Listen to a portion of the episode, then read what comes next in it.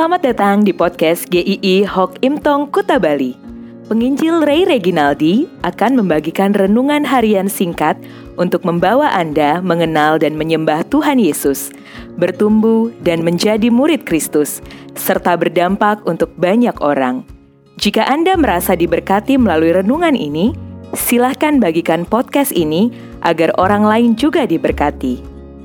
Inilah renungan hari ini.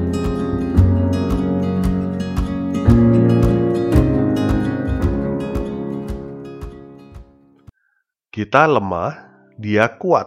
Roma 8 ayat 26. Demikian juga roh membantu kita dalam kelemahan kita. Sebab kita tidak tahu bagaimana sebenarnya harus berdoa.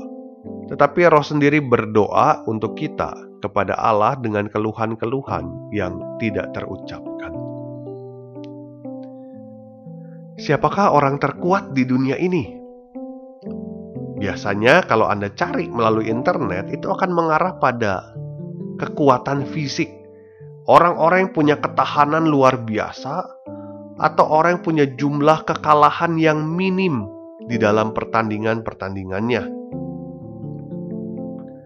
Ada juga orang-orang yang disebut orang super, yaitu orang-orang yang punya kekayaan yang fantastis, yang dalam bahasa sekarang dijuluki para sultan, atau orang-orang dengan tingkat kejeniusan yang mencengangkan,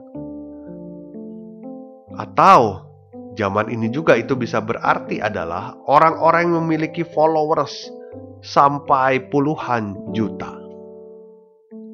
Tetapi apakah sungguh mereka adalah orang-orang yang kuat? Apakah mereka bisa menanggung semua beban kehidupan ini? Apakah mereka tidak pernah tertekan dan frustasi? Sebetulnya tidak ada kan manusia super. Tidak ada yang bisa dikategorikan sebagai orang yang terhebat di dalam dunia ini. Termasuk kita. Tetapi jangan takut dan kecil hati. Memang kita ini lemah. Tetapi ada satu hal lain lagi yang bisa membuat kita sungguh bersyukur Tuhan tahu bahwa kita ini manusia biasa. Kita ini memang lemah. Ada hal-hal di dalam hidup ini yang kita juga merasa tidak kuat untuk menanggung semuanya. Tetapi Rasul Paulus mengatakan, demikian juga Roh membantu kita dalam kelemahan kita. Dia menyatakan baik dirinya dan semua orang percaya lainnya bukanlah manusia super kita tidak bisa menanggung semua beban. Kita juga tidak bisa memahami semua detail perjalanan hidup kita.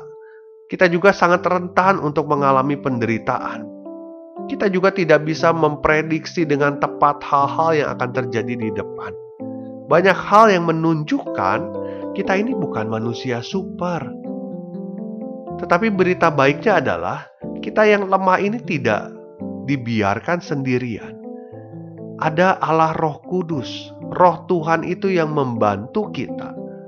Roh Kudus yang kuat itu membantu dan menolong orang-orang percaya. Menariknya adalah kata membantu ini menggunakan bentuk present atau kekinian yang artinya Roh Kudus selalu menjadi penolong.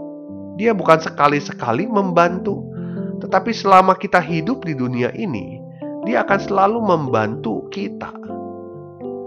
Anda pasti sering merasa tidak berdaya di dalam hidup ini, bukan? Ada hal-hal yang merasa buat Anda sendiri itu begitu menakutkan. Anda merasa begitu kecil, begitu lemah.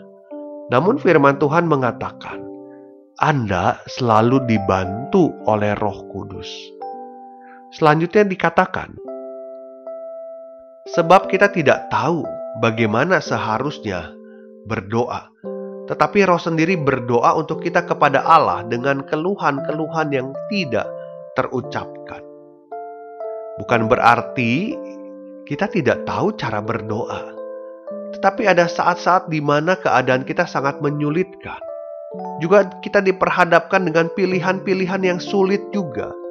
Bahkan ada kala kita sulit sekali memohonkan kepada Tuhan apa yang harus kita lakukan. Tetapi di saat semuanya terasa buram dan tidak jelas, ada satu kejelasan bahwa Roh Kudus tetap menghubungkan kita dengan Tuhan. Segala keluhan-keluhan yang tidak kita mengerti tetap ada dalam perhatian Tuhan. Kita tidak selalu bisa mengerti akan seluruh rencana Tuhan dalam hidup kita, tetapi kita bisa mengerti bahwa Tuhan mengerti semua pergumulan kita. Karena kebenaran ini seharusnya menolong kita untuk lebih lagi giat berdoa, karena Roh Kudus yang menyertai kita. Tuhan itu selalu mengerti akan kelemahan dan ketidakberdayaan kita. Tuhan berinisiatif menolong dan menopang kita yang ada dalam keberdosaan. Kita itu tidak berdaya, kita tidak bisa untuk melakukan sesuatu supaya diri kita selamat. Tuhan Yesus yang sanggup itu, yang menolong kita yang lemah. Bukan kita yang datang kepada Dia, tapi Dia yang datang kepada kita. Maka hidup sebagai orang percaya adalah hidup yang begitu diberkati, bahwa seluruh perjalanan hidup kita hanya karena topangan dan kasih Tuhan. Lalu bersyukurlah kepada Tuhan karena kemurahan dan kebaikannya tidak pernah meninggalkan kita. Dan berdoa terus kepada Tuhan. Ada roh kudus yang bersama-sama dengan kita. Tuhan memberkati.